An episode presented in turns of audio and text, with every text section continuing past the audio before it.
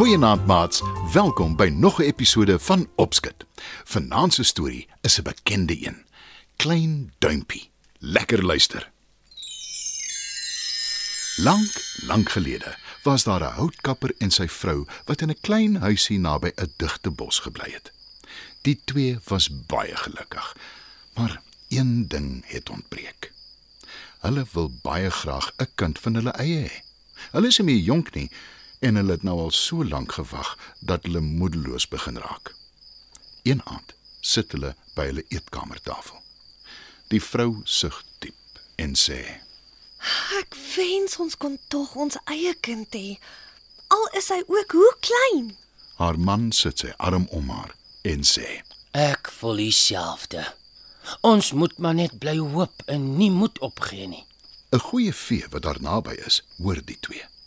Sy kry hulle jammer en sy swaai haar towerstaf. Die volgende oomblik voel die vrou iets in haar hand. Toe sy kyk, is daar die oulikste klein seentjie in die palm van haar hand. Sy kyk verwonderd na die ouetjie en is in trane van blydskap. Dis 'n wonderwerk. Wat sal ons hom noem? Sê sy, Wat van klein duimpie? antwoord haar man. Die vrou stem saam. Die volgende paar dae word weke en later maande. Hulle gee die seentjie genoeg kos en wag dat hy moet groter word. Maar dit gebeur nie. Hy bly net so klein. Maar hy is 'n baie slim knapie en hulle kom gou agter dat hulle maar na sy raad kan luister, want dit is altyd goed.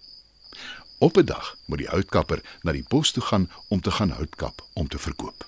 Ek weet nie hoeveel langer ek dit sal kan volhou nie. Ek is nie meer jonk nie en ek raak al hoe gouer moeg. Sê hy. Klein duimpie hoor dit, maar laat niks blyk nie. Hy sê net vir sy pa: Hoekom gaan pappa nie so lank vooruit nie? Ek sal die kar en perd bring. En hoe sal jy dit regkry, seun? Jy's te klein. Antwoord sy pa. Maklik. Mamma span die perd voor die kar in en ek klim met sy oor. Ek sal vir hom sê hoe hy moet loop. Dit is glad nie 'n slegte idee nie, besef sy pa. En dis toe ook presies wat gebeur. Die houtkapper stap bos toe en klein duimpie volg met die perdekar. Op pad soontoe kom hy twee mans te. Hulle hoor 'n stem wat met die perd praat, maar kan niemand sien nie. Uit nuuskierigheid volg hulle die kar. En toe dit tot stilstand kom, sien hulle hoe die houtkapper 'n piepklein seentjie uit die perd se oor tel. Hulle is nou baie opgewonde en bied die houtkapper geld aan vir die seentjie. Hulle weet hulle kan hom oral tentoonstel en 'n fortuin maak, want geen mens het nog ooit so iets gesien nie. Die houtkapper is verontwaardig en weier volstrek, Ek sal dit nooit doen nie om my seun te verkoop nie. sê hy vies. Maar klein duimpie klim teen sy skouer op en fluister in sy oor. Vat die geld, pappa. Jy en mamma het dit nodig. En ek beloof ek sal die mans uitoor lê en my pad terugvind huis toe. Die houtkapper is nie baie genee om sy seentjie te verkoop nie. Maar hy weet hoe slim hy is en besluit om sy raad te volg. En dit is waar klein duimpie se avonture begin. Heel eerste sit hy op die rand van een van die man se hoed terwyl hulle aanstap na die naaste dorp toe. Hy luister na hulle planne om hom tentoon te stel. Na 'n ruk het hy genoeg gehoor. Hy spring af en kruip in 'n gat in die grond.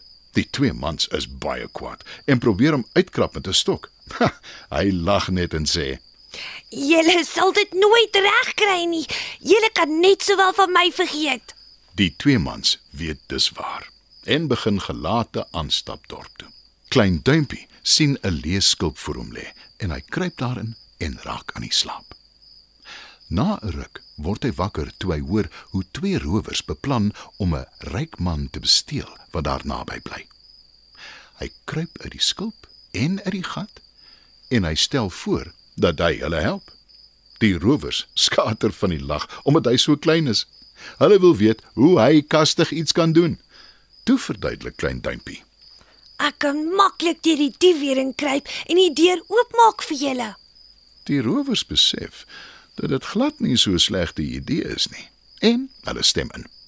Hulle wag totdat dit donker is, sluip na die huis toe en tel klein duimpie op. Hy glip deur die tralies voor die venster en die rowers wag in spanning. Maar toe klein duimpie in die huis is, maak hy 'n groot lawaai en roep hard. Wat wil julle hê? Geld. Hier is. Die rykman se kok word wakker en sy verjaag die rowers wat buite die venster wag. Klein duimpie glip uit en kruip in die skuur weg. Hy gaan lê op die hooi en raak aan die slaap. Die volgende oggend vroeg word hy wakker toe 'n koei wat besig is om hooi te eet, hom insluk en hy beland in haar maag en roep benoud. Help! Help! Ek gaan versmoor. Die kok wat kom melk haal het, hoor dit en sy roep die man aan wie die huis behoort. Saam besluit hulle daar is beslis iets verkeerd met die koei en dat sy geslag moet word. En so ontsnap klein duimpie. Maar hy is skaars veilig en op pad huis toe toe 'n hongerwolf hom gewaar en hom insluk. Wat nou gemaak, wonder hy. Hy dink 'n oomblik en toe maak hy 'n voorstel aan die wolf. Ek is maar klein en ek weet jy is nog honger, wolf. Ek kan jou bydye hoe om by 'n plek uit te kom waar daar heerlike kos is en baie daarvan. Ham, spek, eiers, wors en nog baie meer. Die wolf se bek water en hy sê: Vat my dadelik soontoe. en klein duimpie beduie vir hom die pad na sy ouers se huis toe. Daar aangekom, vertel hy die wolf hoe om in die kombuis te kom. Die wolf is baie bly toe hy inderdaad al die kos sien waarvan klein duimpie gepraat het en hy begin smil. Die houtkapper en sy vrou hoor 'n gedoente in die kombuis. Die houtkapper tel sy byl op en hy en sy vrou sluip soontoe. Ha! Hier is die sonnebok so waar besig om ons kos te eet. Jy gaan jammer wees, wolf. Sê hy en swai sy byl. Oppas net, pappa. Ek is in die wolf se maag. Hoor die houtkapper en sy vrou hulle seentjie roep. Die houtkapper slaan die wolf katswink met sy byl en sny sy maag oop. En ja, so waar. Daar kom klein duimpie uitgekruip. Sy vrou werk vinnig die wolf se maag weer toe, want hy het haar seentjie huis toe gebring. Die wolf laat spaander en klein duimpie en sy ouers is herenig.